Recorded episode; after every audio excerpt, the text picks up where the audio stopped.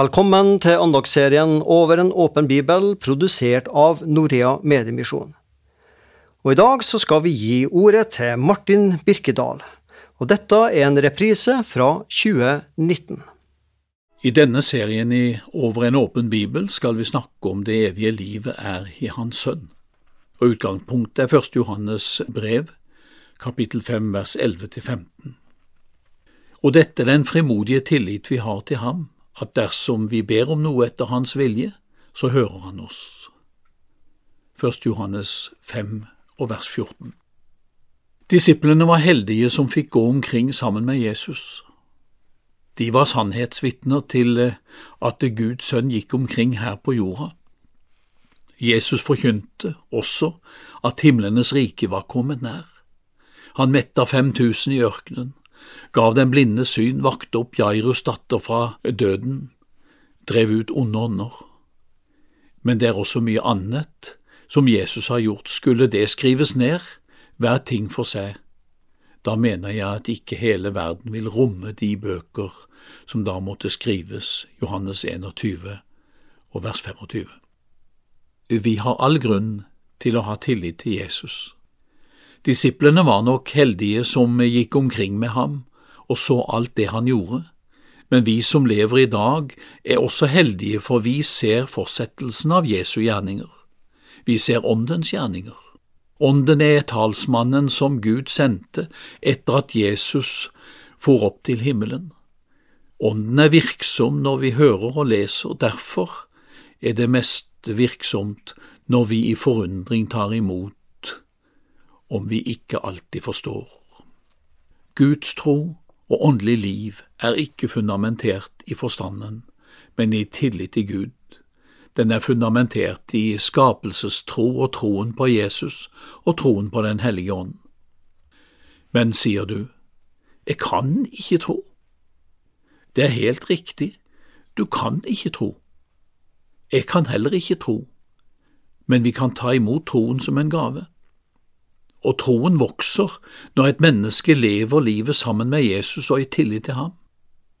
Du vet, vi lever i tro og tillit hele livet.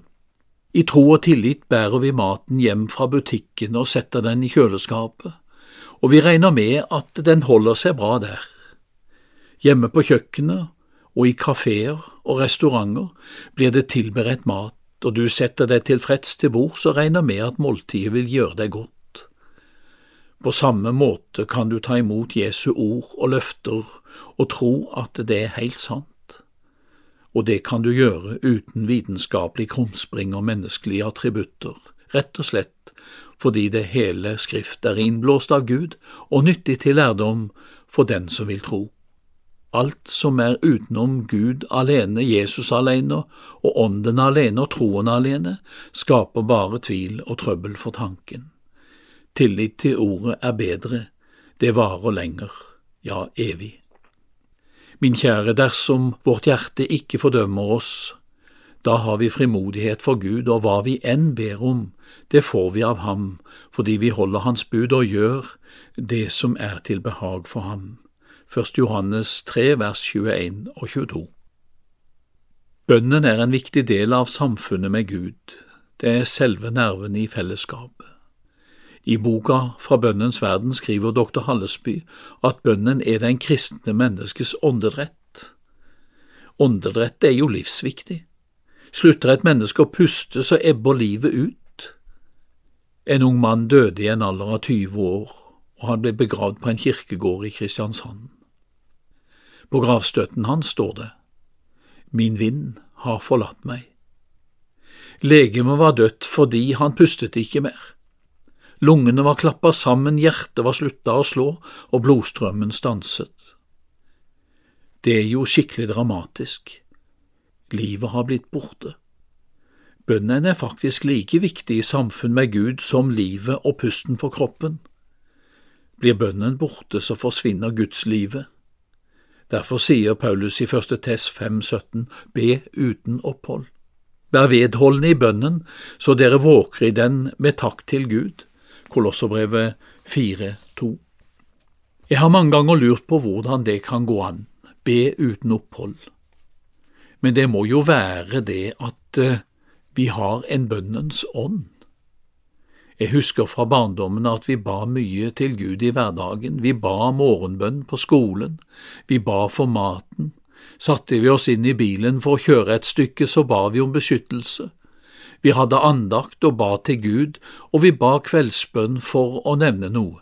Alt dette gjorde at vi lærte oss til å legge dagene og livet i Guds hender.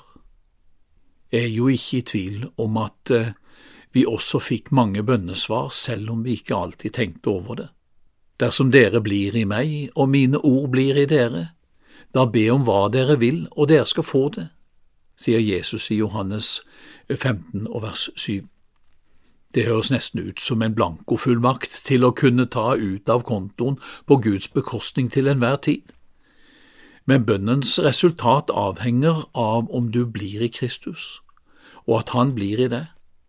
Det er Guds vilje at vi skal be, og at vi skal be etter Hans vilje. Og på den dag skal dere ikke spørre meg om noe, sannelig sier jeg dere.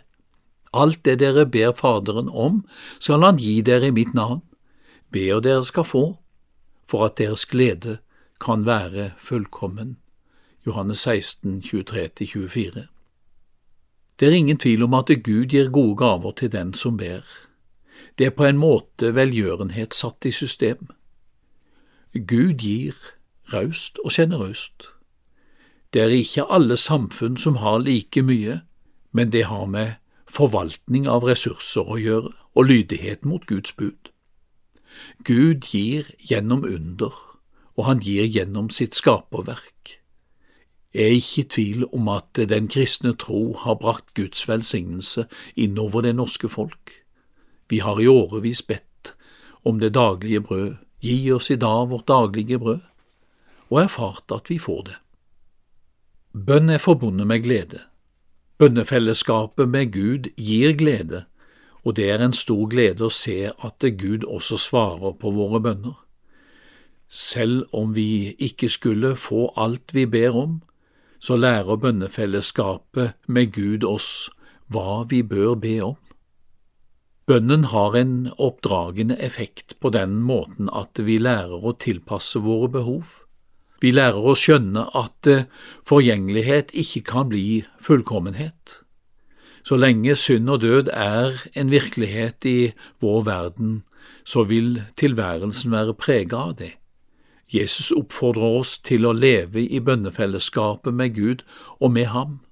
Det hjelper oss til å leve livet på rett måte, og til å leve i forventning om Guds tilgivelse og nåde. Be, så skal dere få, let, så skal dere finne, bank på, så skal det bli lukket opp for dere, sier Jesus i Matteus 7, 7. La oss be. Jesus, vi takker deg for alle dine gode gaver gjennom livet vårt. Vi har ikke fortjent det fordi vi har stått deg imot, men du vil oss bare godt. Alt takker vi deg for, og mest for håpet om et evig liv sammen med deg i ditt rike. Amen. Da har du akkurat hørt en andakt i serien Over en åpen bibel.